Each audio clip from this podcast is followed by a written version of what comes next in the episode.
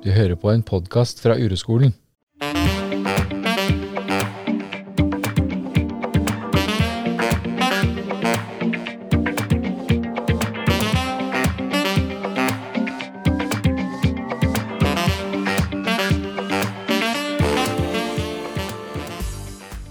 Du hører nå på podkasten Helt sant med Siv Eklo og Kaspar Scheip.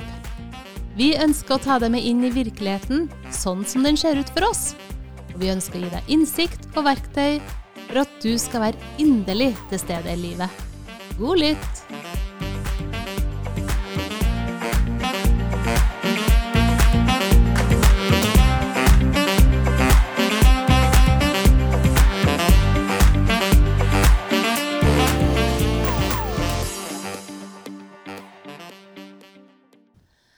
Ja, da er vi tilbake i podkaststudio, der vi aller helst vil være, da. Um, og jeg ønsker lytterne varmt velkommen til en ny episode av denne podkasten som vi er så glad i å lage, som heter Helt sant. Og i dag har jeg veldig lyst til å prate om noe som jeg opplever som veldig meningsfullt, og som veldig viktig. Og det er et tema som dukker opp i veldig mange sammenhenger. Det er et tema som dukker opp blant lærere, blant oss foreldre. Det er et tema som dukker opp innenfor barne- og ungdomspsykiatrien. Det dukker opp stadig artikler i avisene på hvordan man skal forholde seg til det her. Og det er det temaet, det vanskelige, komplekse temaet skolevegring vi skal snakke om i dag. Og da har jeg jo gjort en liten uh, endring. da. Jeg har bytta ut Kaspar. Så han har ikke fått lov til å være med i dag. Og så har jeg vært så heldig at jeg har fått en gjest i studio som jeg er så glad for å ha her. Så velkommen til podkasten, Monica. Tusen takk. Ja, det er Hyggelig å være her. Ja, men det er bra. Ja. Det er så fint at vi endelig fikk tid og mulighet til å sette oss ned og prate om det her, som vi begge to er kjempeopptatt av. Ja, jeg grugleder meg. Men jeg gleder meg mest. Ja, men det er godt å høre, da. Mm. Har du lyst til å si litt sånn kort om ja, Hva er grunnen til at du tenker at det her må vi snakke om? Altså, helt uh, kort så er det jo fordi jeg har kjent det på kroppen. Ja. Rett og slett. Sant? I så mange år. Eh, så Og lært så mye om det. Uh, og lært så mye om meg sjøl, ikke minst. At jeg tenker jeg vil bare dele det. Jeg, det. Det er så viktig, og jeg har så lyst til å dele det med så mange som mulig. Ja, og det er jo det vi skal prøve å gjøre i dag. Å lage en podkastepisode om skolevegring. Ja. Ja. Eh, og målet må jo være at folk som hører på, kjenner seg igjen. Eh, kan lære noe av det. Kan føle seg bitte litt mindre utrygg, usikker. Og litt mindre hjelpeløs. Og kanskje også litt mindre alene. For dette er jo Ja, det er ganske mye av det. ja. Og det er relevant for mange. Ja. ja hvis, jeg kan få til, eh, hvis vi kan få til at noen kan føle seg litt mindre aleine, så hadde jeg blitt kjempeglad. Vi, jeg, vi, jeg og mannen min, følte oss kjempealeine. Ja. Og så desperate, liksom. ja. Så Skal vi starte med det, Monica? At du bare tar oss bitte litt tilbake. sant? At dere er en familie på fire. Hvordan starta det? For du, og fortell litt om hvordan det var for deg og for, for jenta di, Ida. ja. Hva var det første, liksom? Ja, hvordan starta det? Altså Det er liksom vanskelig å sette fingeren på akkurat hvor det starta. Ja. Men, eh, men jeg veit jo at på et eller annet tidspunkt ble uh, litt mye for meg og familien vår. Vi har Ida som nå er 18, og broren eh, på, som er tre år yngre. Og, øh, og vi skulle veksle Altså, vi skulle øh, sjonglere livet med fulle jobber, begge to. Ja. Eh, barnehage og skole, fritidsaktiviteter. Og jeg kjente bare at det, det liksom brant i begge ender da, ganske fort. I hvert fall når Ida var sånn, begynte på skolen og sånn. Mm. Eh, jeg var veldig opptatt av å gjøre ting riktig. Det har vi egentlig blitt opplært til, ikke sant. Eh, vi gjorde lekser med henne og Og begge, og vi kom tidsnok, og vi hadde riktige matpakker, og vi Ja. Vi gjorde alt riktig. Vi gjorde jo det. Um, men så tærte det mer og mer på. Jeg fikk mer ansvar på jobben. Ble mer og mer sliten. Um, og til slutt så uh, ble jeg sykmeldt da rundt uh, 2014 en gang. Um, og samtidig så begynte Ida å få en del vondt i magen.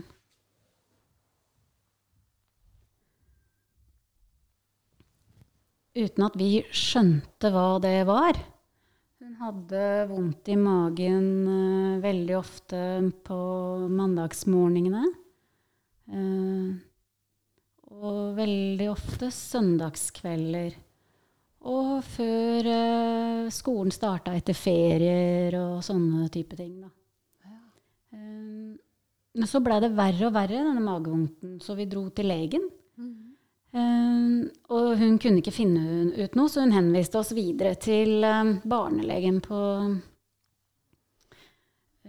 Ja, barnelegen. Som tok utredning og ville sende henne videre til sånn nevrologisk avdeling osv. Så, um, så vi styra mye rundt denne magevondten hennes. og så var det sånn at det blei verre og verre. Til slutt så satt hun Hun satt på stuegulvet. Og det er så vanskelig å snakke om, fordi hun, hun satt og rugga med beina opp under brystet på ja. gulvet. Og rugga fram og tilbake, fram og tilbake. Og hadde så vondt i magen. Og vi var så redde. Vi trodde jo kanskje det var magekreft eller noe sånt. ikke sant? Ja. Så da, det husker jeg det var en fredag. Da dura vi til um, til legevakta. Mm. Som ikke kunne gjøre annet enn å uh, gi ja, smertestillende. Da. da gikk det over. Ja. Um, så, og de tok jo blodprøver, og vi holdt på og herja rundt og fant ikke ut noen ting. Nei. Og så var det en dag hun um, uh, sa hun hadde så vondt i magen, uh, så hun ville være hjemme fra skolen. Ja. Så fikk hun lov til det. Det, det gjør man jo. Vi, vi, tenkte jo ikke noe mer over det. Men da hadde hun ikke vondt i magen. Plutselig. Nei. Plutselig så hoppa og spratta rundt og, øh, og øh, var liksom så glad. Alt var liksom borte, da. Uh, hun kunne gå på ridning og alt mulig sånt. Og så endte det jo da med at hun ville være mer og mer hjemme fra skolen. ikke sant? Jeg tror det er sånn det ganske ofte starter for uh, med denne skolevegringen, da. Mm. At man lager en, en, grunn til å få lov til å være hjemme. Og så er jo, når jeg sier lage en grunn, så er det jo på ingen måte sånn at dette er bevisst eller utspekulert på noe som helst vis. Det er jo bare, det er jo bare en løsning, på en måte, for å, å, slippe å forholde seg til det som er vanskelig, da. Mm. Ja. Og nå har dere da vært på legevakt, og dere har vært på sykehus, så har på en måte um, uh, har, man, har, dere nå konstatert at det er ikke noe fysisk? Ikke noe, altså, eller er man fortsatt der at man tenker at dette har en fysisk årsak? Eller er det mer sånn at nå, nå begynner dere å se at dette har sammenheng med at det er noe hun syns er vanskelig? Ja. Eh, etter å ha tatt diverse tester og vært gjennom eh, barneleger og ultralyder og alt det der, så ble vi henvist til BUP. Ja. Mm. Og samtidig begynte jo også møtene med skolen. Ja. For hun begynte jo å få Vi begynte å nærme oss 30 eh, dager eh, fravær på det første halve året etter at dette begynte. Og da er det noe som kicker inn. Da, så da blir PPT innblanda. Mm. Eh, skole, lærere og skoleledelse. Eh, og man blir henvist til BUP. Og Hvilken klasse er Ida i nå, da? Ja, Nå går hun i sjette klasse. I sjette klasse, på, fortsatt på barneskolen. Ja. ja. Mm. Så, så, da begynner vi vel kanskje å innse at dette kan være noe um, mer psykisk enn fysisk, hvis vi skal kalle det det. da. Mm. Mm. Men når da Ida får lov til å være hjemme og gjøre ting som hun liker, da. Hvordan vil du beskrive Ida da? Ja, da er Ida glad og morsom og ja, intelligent, ikke minst. Altså, hun elsker jo dyr, og elsker å ri og få holde på med det. Mm. Vi så, det var liksom glimtvis at vi kunne se henne, da. Ja. Um, men, um, men ofte så var det jo mest fokus på dette magevondten, ikke sant, som Ja. kom og gikk etter ferier og Men hadde hun fortsatt noe sted hun kunne være Ida med humor og glimt i øyet og i denne perioden? Ja da, hun hadde Eller jo det. forsvant det? Nei da, hun hadde, hun hadde det. Um, uh, hun hadde jo venner mm. uh, og, og ridning. Ja. Eh, Så fikk vi etter hvert hund, som var betydningsfullt for henne. Mm. Så, mm, så hun hadde det. Men, eh, men um, vi så jo at det var eh, vanskelig, dette med, med skolen. Ja. Mm. Men når dere da blir møtt For nå på det tidspunktet er det sånn som du sier, at her er det ulike instanser som automatisk kommer på banen pga. høyt fravær. Ja. Eh, var det da sånn at eh, hvis vi som helhet, da, hjelpeapparatet, altså i form av at BUP og PPT og lærere, var det sånn at det var en omforent forståelse av hva det her handla om, eller var det ulike perspektiver og ulike virkeligheter som ble eh, lansert som forklaringsmodeller? Nei, altså jeg opplever jo at lærerne de hadde ikke noe stor erfaring med det her. Uh, og Ida kunne ikke sette ord på hva det var som, som hun ikke trivdes med. Nei. Um, det ble aldri oppdaga noe mobbing eller noe sånn. Men hun var, ikke, var heller ikke den eh, som hun, hun, hun beskrev jo på skolen at det, disse ungene er liksom de populære og de ikke-populære og sånn. Og av den ikke-populære, i den ikke-populære gjengen. Da.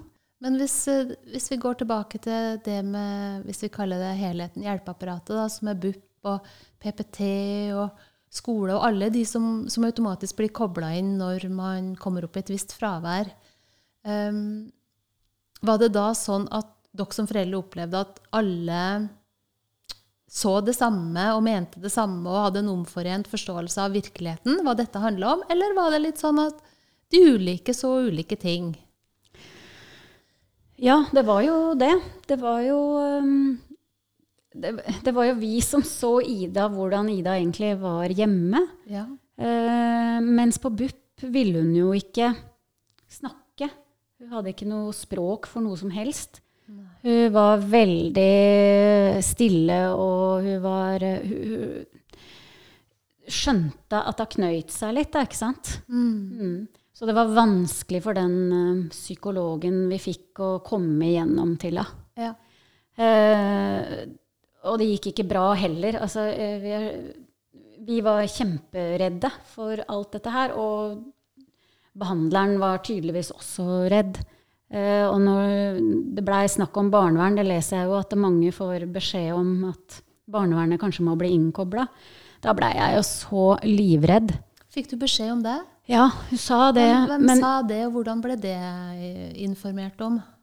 Nei, altså hun sa det til Ida at øh, hvis du ikke øh, kommer deg på skolen, så er det sånn at det er noe som heter opplæringsplikt i Norge. Uh, så Og hvis du ikke da går på skolen, så må vi innkalle barnevernet. Og Ida ble ikke redd av det i det hele tatt, fordi Ida skjønte ikke hva det var. Men det var BUP som sa det? Det var de på BUP, ja. Ja. Mm. Men jeg ble jo livredd. Altså, jeg var så redd. Ja. Altså, når du ja, um, Når du er så redd for ungen din, Ja. um, og du gjør jo alt, absolutt alt du kan være i stand til å gjøre for å få henne på skolen, ikke sant?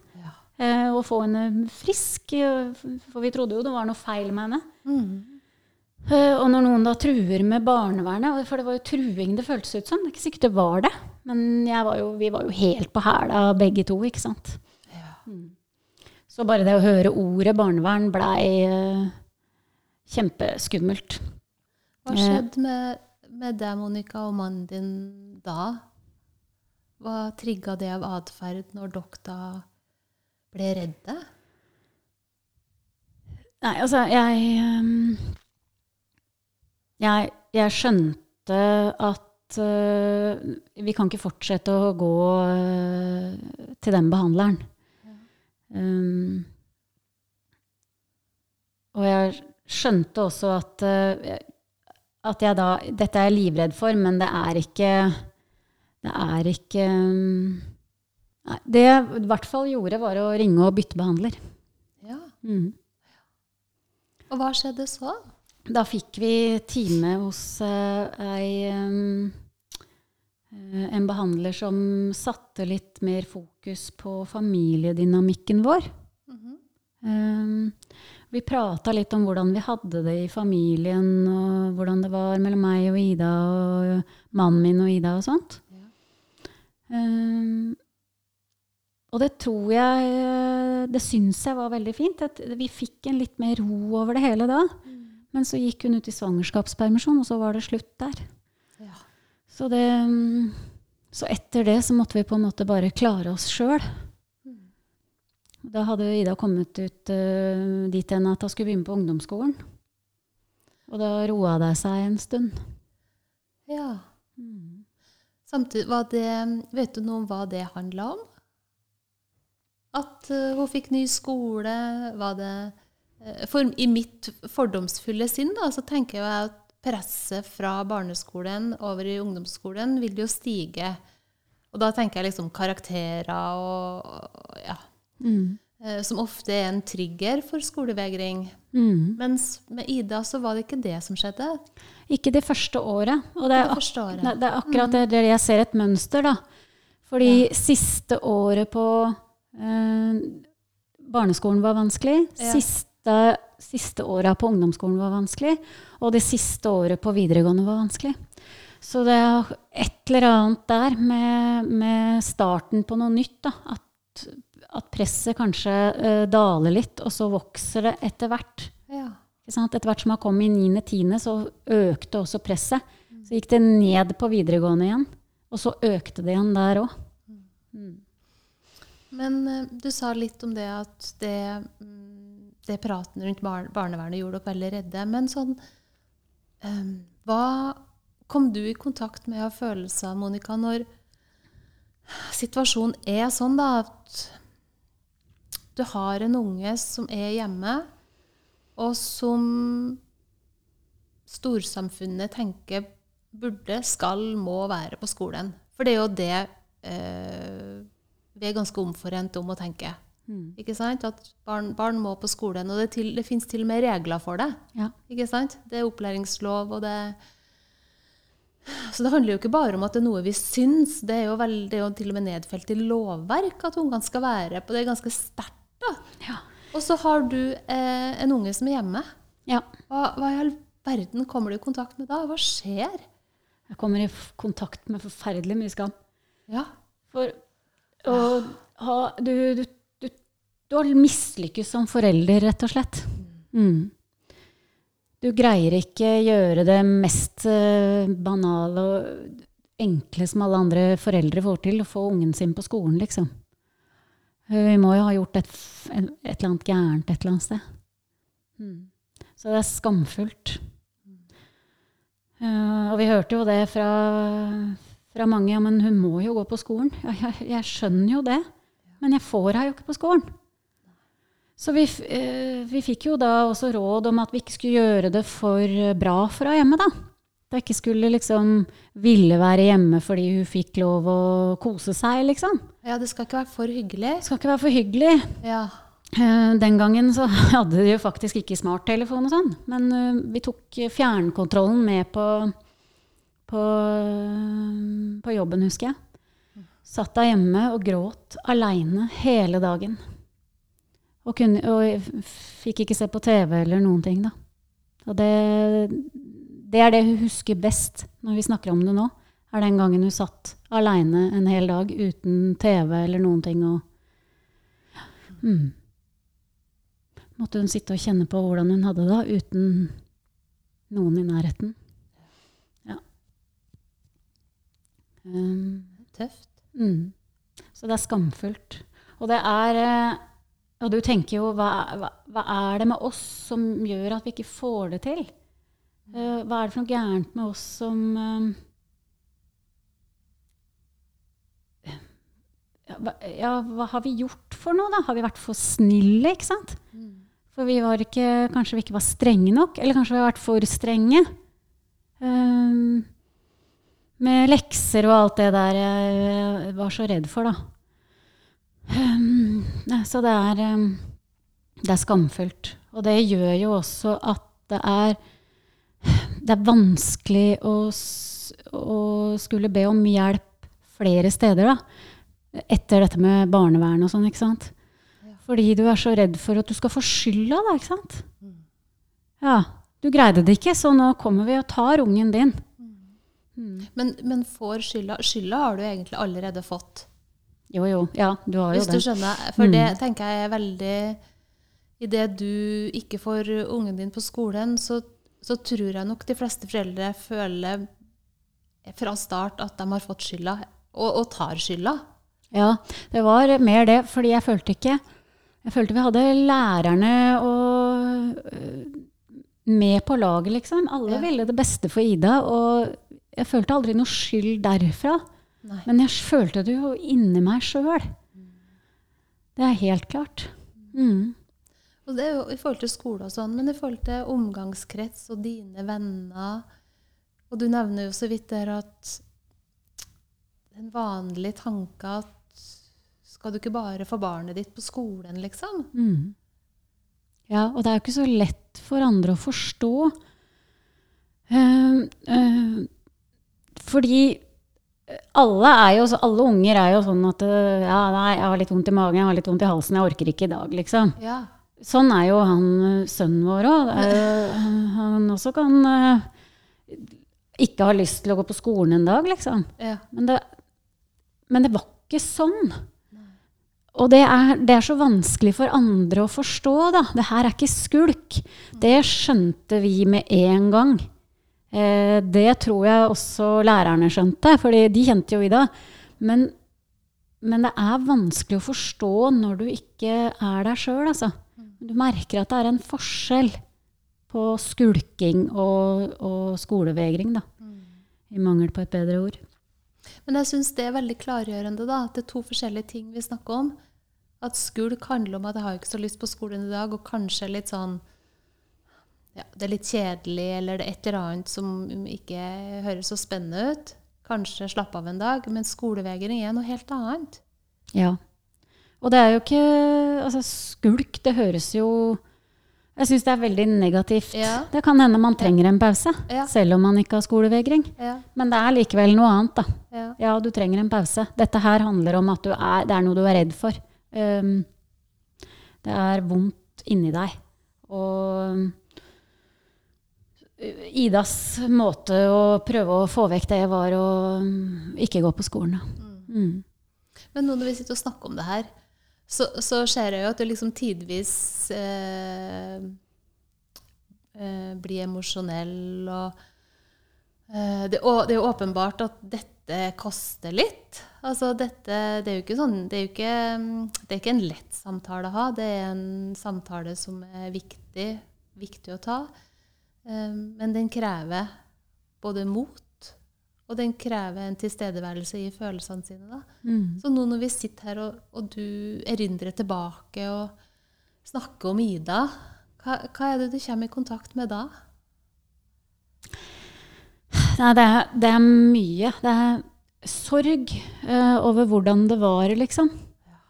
Og så kjenner jeg eh, Jeg får liksom lyst til å gå tilbake til den tida og legge armene rundt mannen min og meg, liksom. Um, og så um, Men mest av alt så kjenner jeg på takknemlighet. Fordi vi har faktisk uh, ja, vi, det, det måtte bli sånn.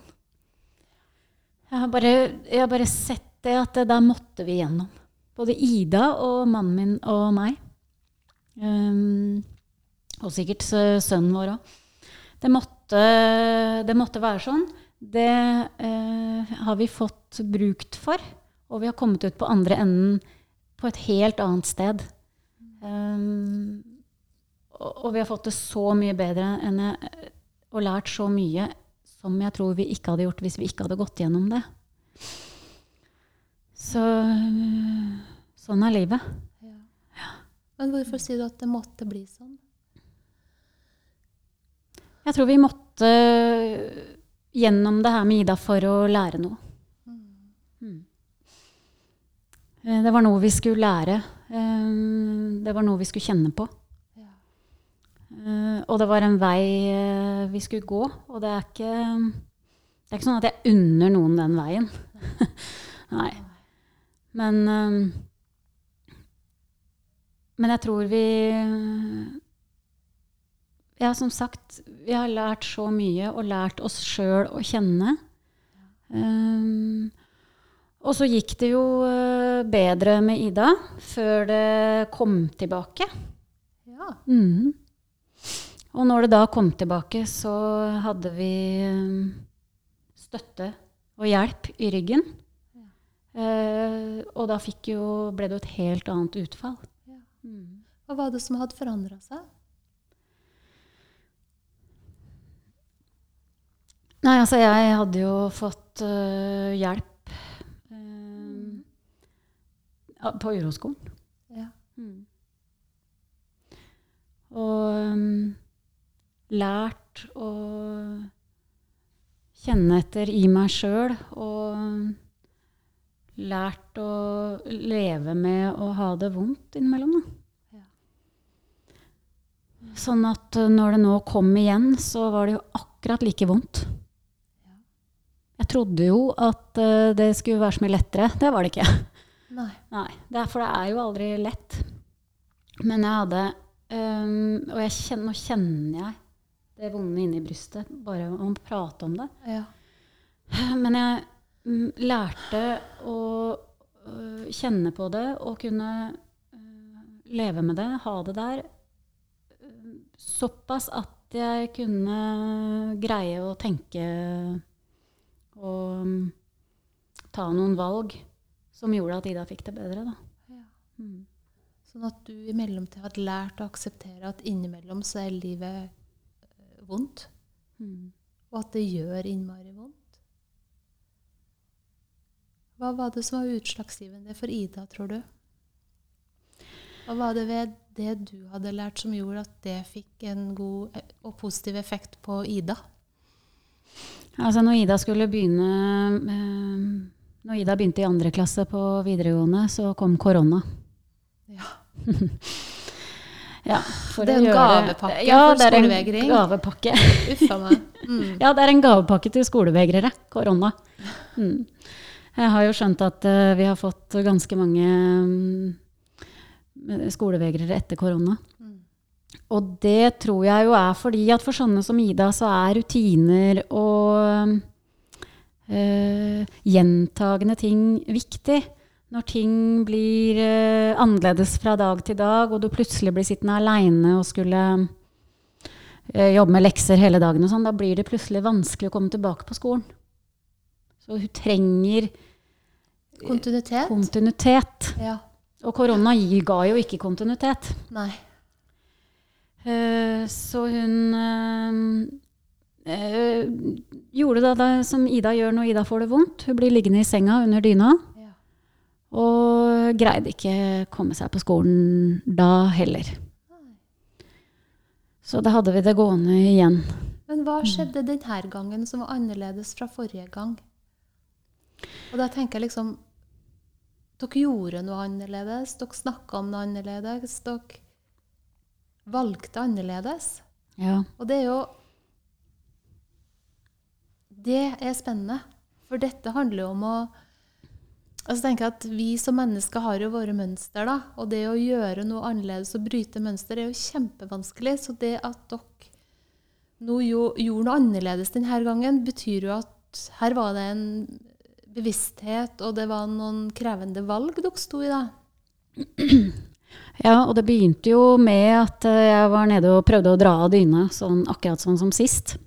Ja. Men øh, denne gangen så hadde jeg støtte med meg til å lære å få kjent på hva som skjer i meg, da.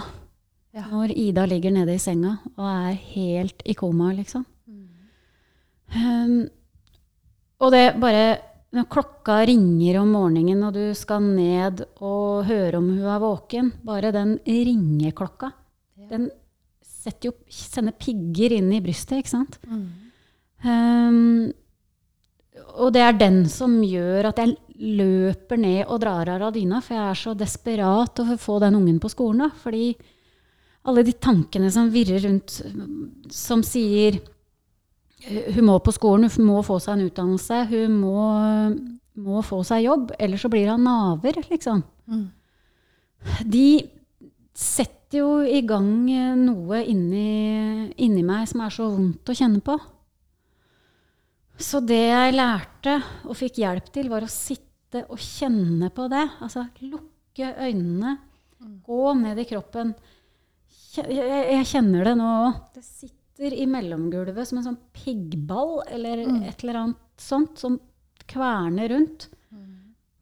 Bare sitte, puste og kjenne på det i et lite sekund i starten. Men lenger og lenger etter hvert, da. Så man blir vant til at det vonde kan jeg faktisk ha der. Ja. En liten stund. Eh, Så det jeg gjorde helt konkret, var at jeg gikk ned til Ida og la meg i senga ved siden av henne. Og så, for hun var jo alltid våken om morgenen, for hun våkna jo klokka. Spurte Ida om det var greit at jeg lå, lå der litt, da. Og Ida sa ja. Så lå jeg der uten eh, mobilen.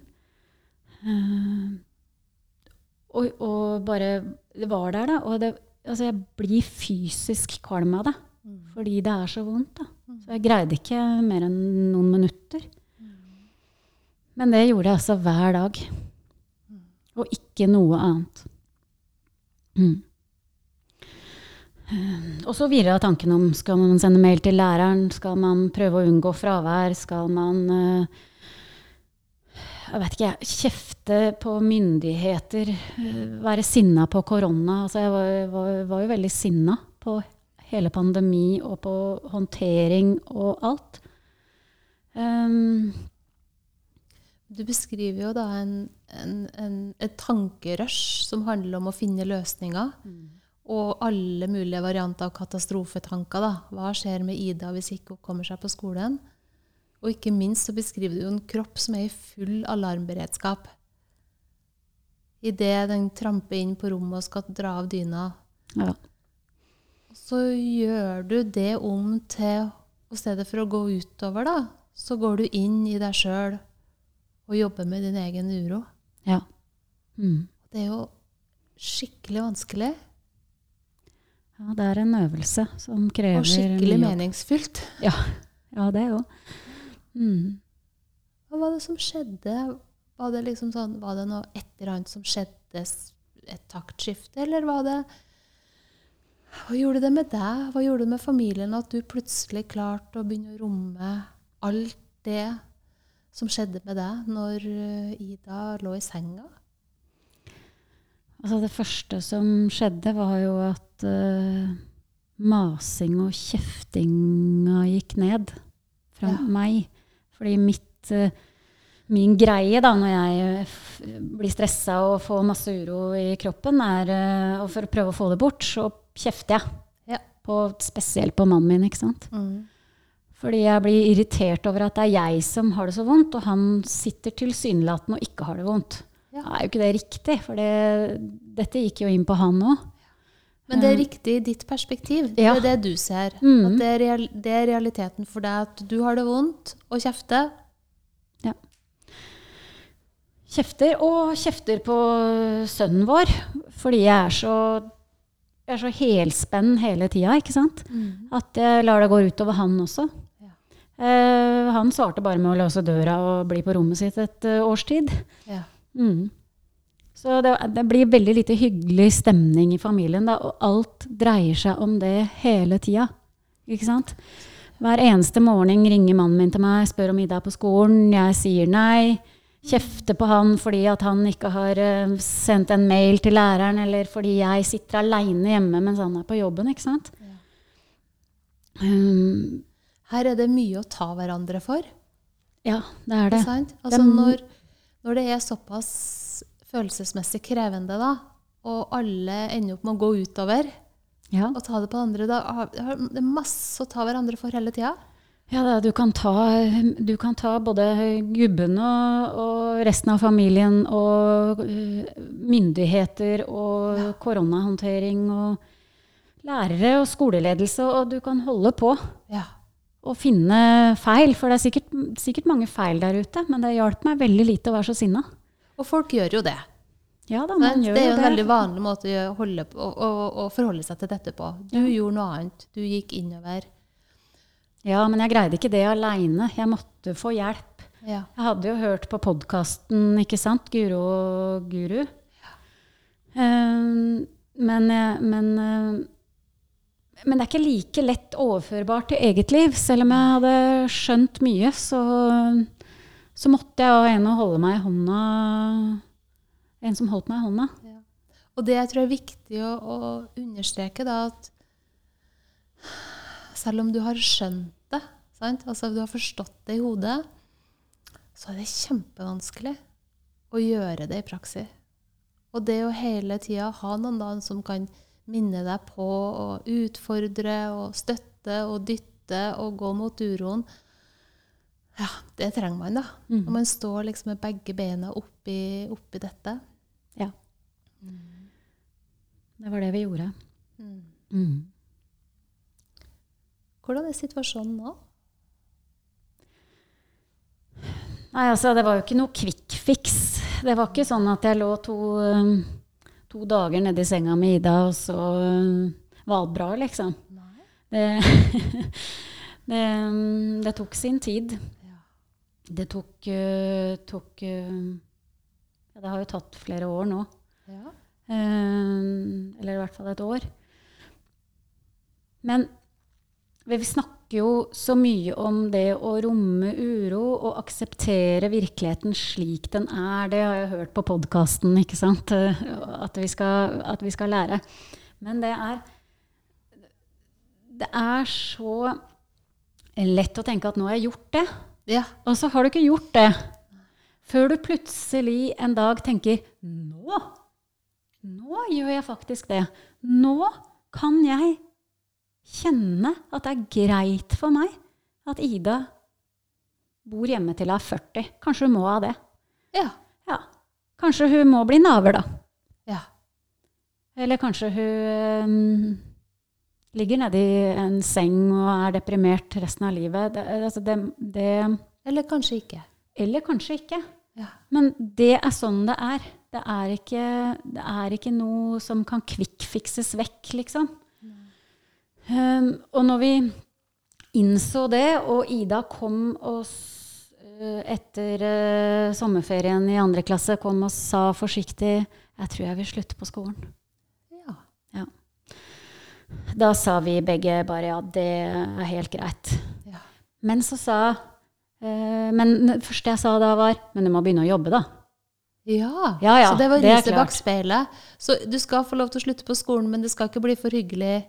Nei, du kan jo ikke ligge nede og lese på telefonen din. Nei. Så noe må du her er, Det kommer en må. Det kommer en må her òg. Ja. Så et eller annet gjør at dette skal ikke bli for enkelt Nei. og for lett. Ja.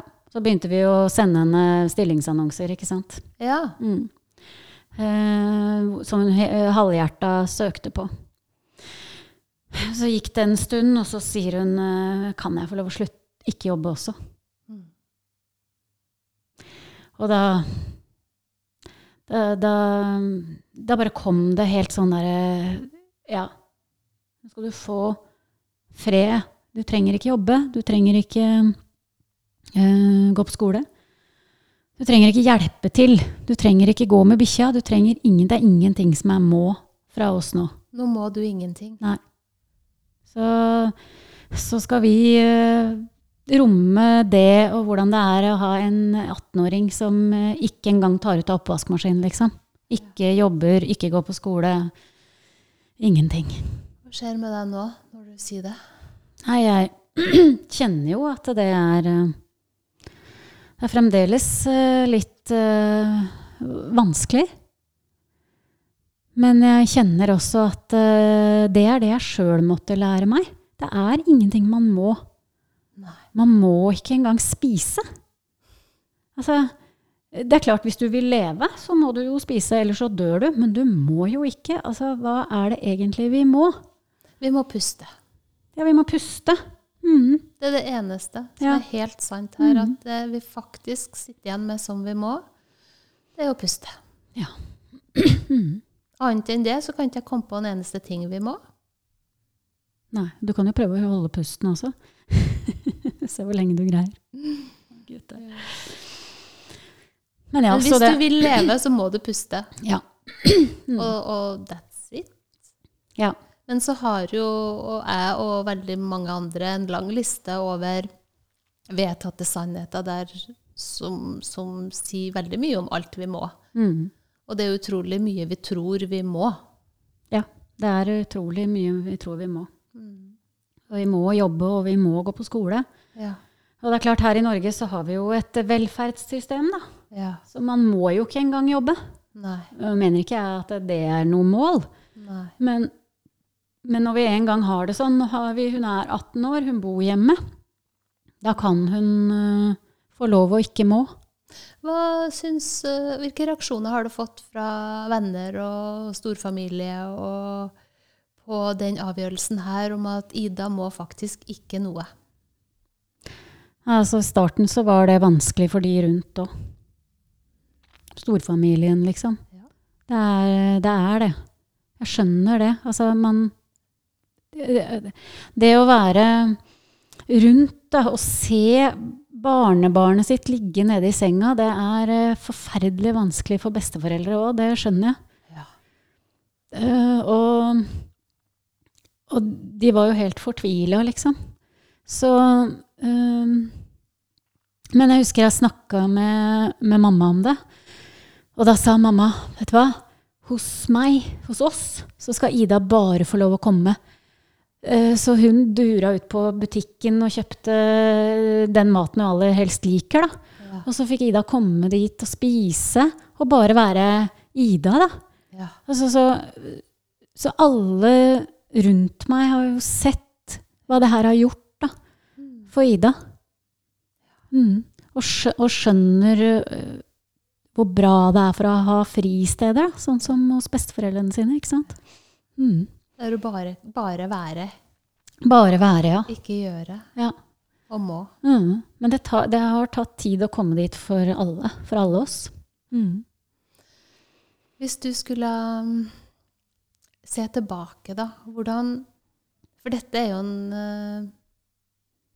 har vært en vanskelig tid og vanskelig periode for hele familien.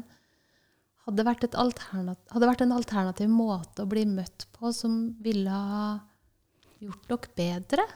Altså det er verdens enkleste ting å være etterpåklok, men kan det være noe refleksjon rundt det?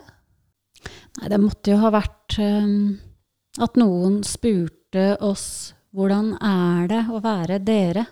Eller hvordan er det å være deg, Monica? Når datteren din ligger hjemme og ikke vil gå på skolen. Ja. Hvordan har du det? Ja. Det var så veldig mye fokus på Ida og på ø, å få henne på skolen. Eh, og på å finne en eller annen slags både løsning og grunn til hvorfor det var sånn. At det var liksom ingen som At vi satte oss aldri ned og, og tenkte på hvordan har vi det? Nei. Og hvordan er det å være læreren til Ida? Ja. Ikke sant? Um, hvordan er det å være læreren til Ida når hun ikke kommer uh, på skolen, og du, du får krav fra ledelsen om, om ting du skal gjøre, og kalle inn og ikke sant? Det er ikke noe lett, det heller. Det er flere gang som står i press, da. Ja, det er jo det. Mm. Ja. De er sikkert i press på BUP også. Ja, det er jo det, ikke sant? Mm. Så Så, et, så et, et veldig nesten sånn banalt og enkelt spørsmål, da. Hvordan er det å være foreldre når man blir satt under press? Hvordan er det å være lærer som blir satt under press og ikke får det til? mm. Hvordan er det å være en behandler som ikke får det til? Ja. Og så er det jo um, Det er mye lettere å si ja til eh, å slutte på skolen når du går på videregående. Ja. Når du går i sjette klasse, så kan du ikke slutte på skolen. Nei. Og jeg skjønner jo at eh, rådet her er jo ikke bare slutt å gå på skolen.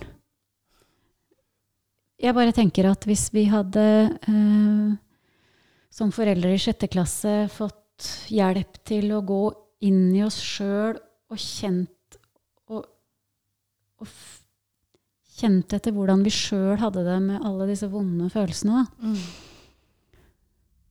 så, så blir det lettere å være barnet òg. Altså, vi er så knytta til ungene. Selv han, han eh, 16 år gamle gameren liksom er påkobla foreldra sine. Absolutt. Ja. Eh, oppe på rommet. Mm. Merker, helt ubevisst, men at jeg er urolig, da. Og at jeg ikke kan eh, klarer å, å håndtere det. Mm. Og det var jo det som skjedde med Ida òg, tenker jeg da. At her er det eh, spesielt meg, da, for dette handler jo om meg, som har så mye uro som jeg ikke klarer å håndtere. Mm. Og, og da får hun et symptom på det. Ja. Hun tar ansvar. Hun tar ansvar. Ja. Så det handler ikke om egentlig skole eller eh, noen spesielle situasjoner eller mobbing i det tilfellet her, da. Det handler om at hun tar ansvar for noe som er vondt i meg. Ja. Ja. Og det Og det kunne ha sett ut på mange måter. Ja, ja, ja. Det kunne, det kunne kommet ut i hva som helst, det. Ja. Altså eh, tvang hun hadde, eller eh, spiseforstyrrelser, eller eh, Så en eller annen måte eh, måtte hun, helt ubevisst, måtte finne på noe for å trekke oppmerksomheten vekk fra at du og de andre hadde vanskelig òg, da. Ja, jeg tror det er sånn. Mm. Og jo mer vi da setter fokus på det som er symptomet, som her er da å ikke gå på skolen, da, Mm. det gjør bare at vi forsterker hele greia, Mm. tenker jeg, med vår uro, ikke sant? Men det er jo sånn vi, vi lærte på at vi går etter eh, Finne ut hva som er problemet. Altså full skanning av magen. Hvorfor er du vondt i magen? Og så går man på Neste er på skole. Blir du mobba? Er det noen som ikke er grei? Sånn? Og så Mm. begynner man å kartlegge, og så leter man febrilsk etter en løsning, i stedet for å gå inn og si Men hvordan har vi det når vi ikke får det til, da? Når Ja. vi ikke lykkes, når vi ikke mestrer, og når vi ikke lever opp til forventningene som samfunnet har eh, skapt for oss. Hvordan har vi det da? Da har vi det vondt innimellom. Ja, vi har det. Og det, og det er en del av livet, da. Mm. Og det kan vi ikke Det kan vi ikke ta bort, da. Men vi må få hjelp til å lære å, å leve med det. Og så tenker jeg det øh, sånn som Ida, da, som, som jo fikk et par diagnoser, ikke sant?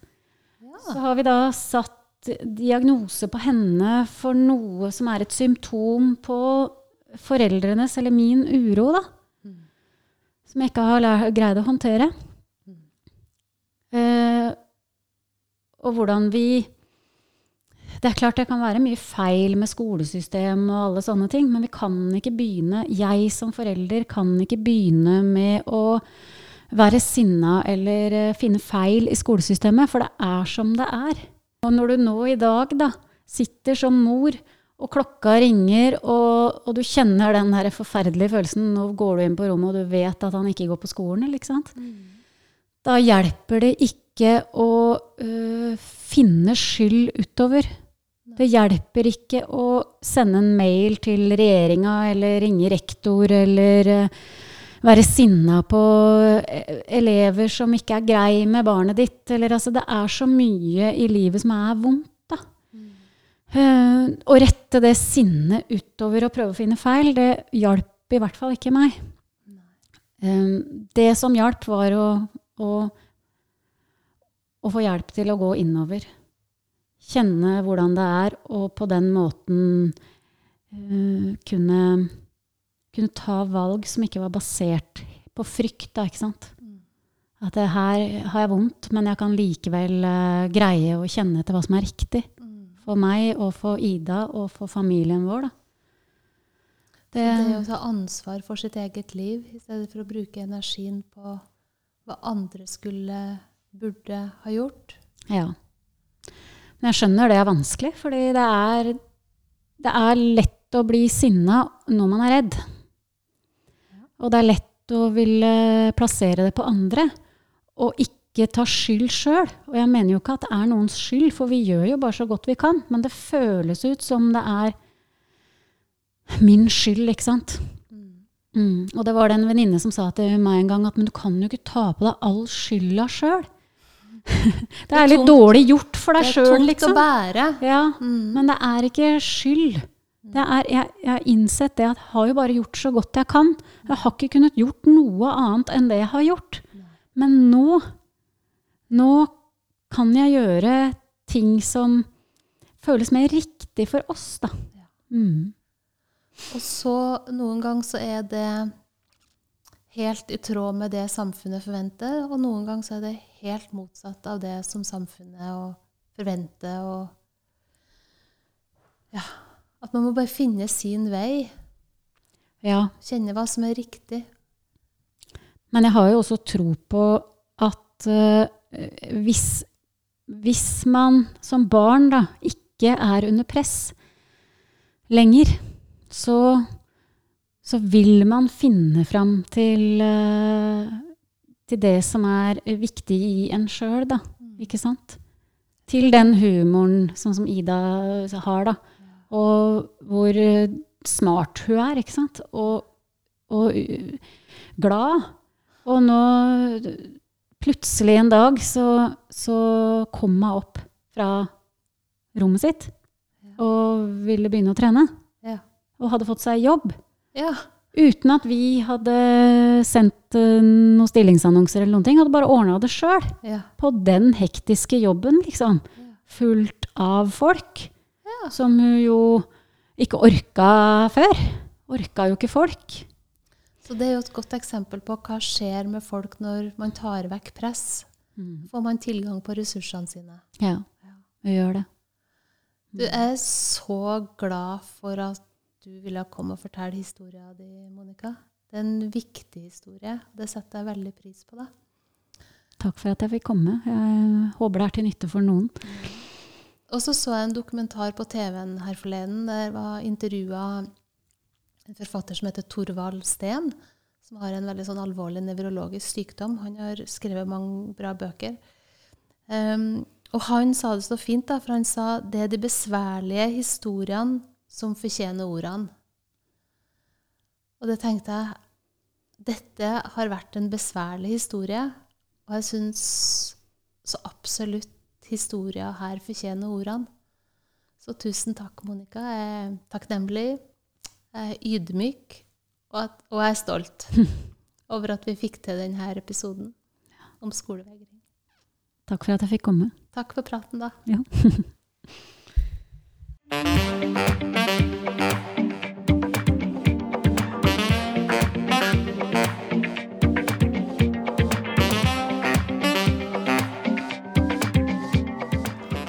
Du har nå hørt på podkasten Helt sant. Vi har veldig lyst til å høre fra dere, og tar imot innspill, ris og ros.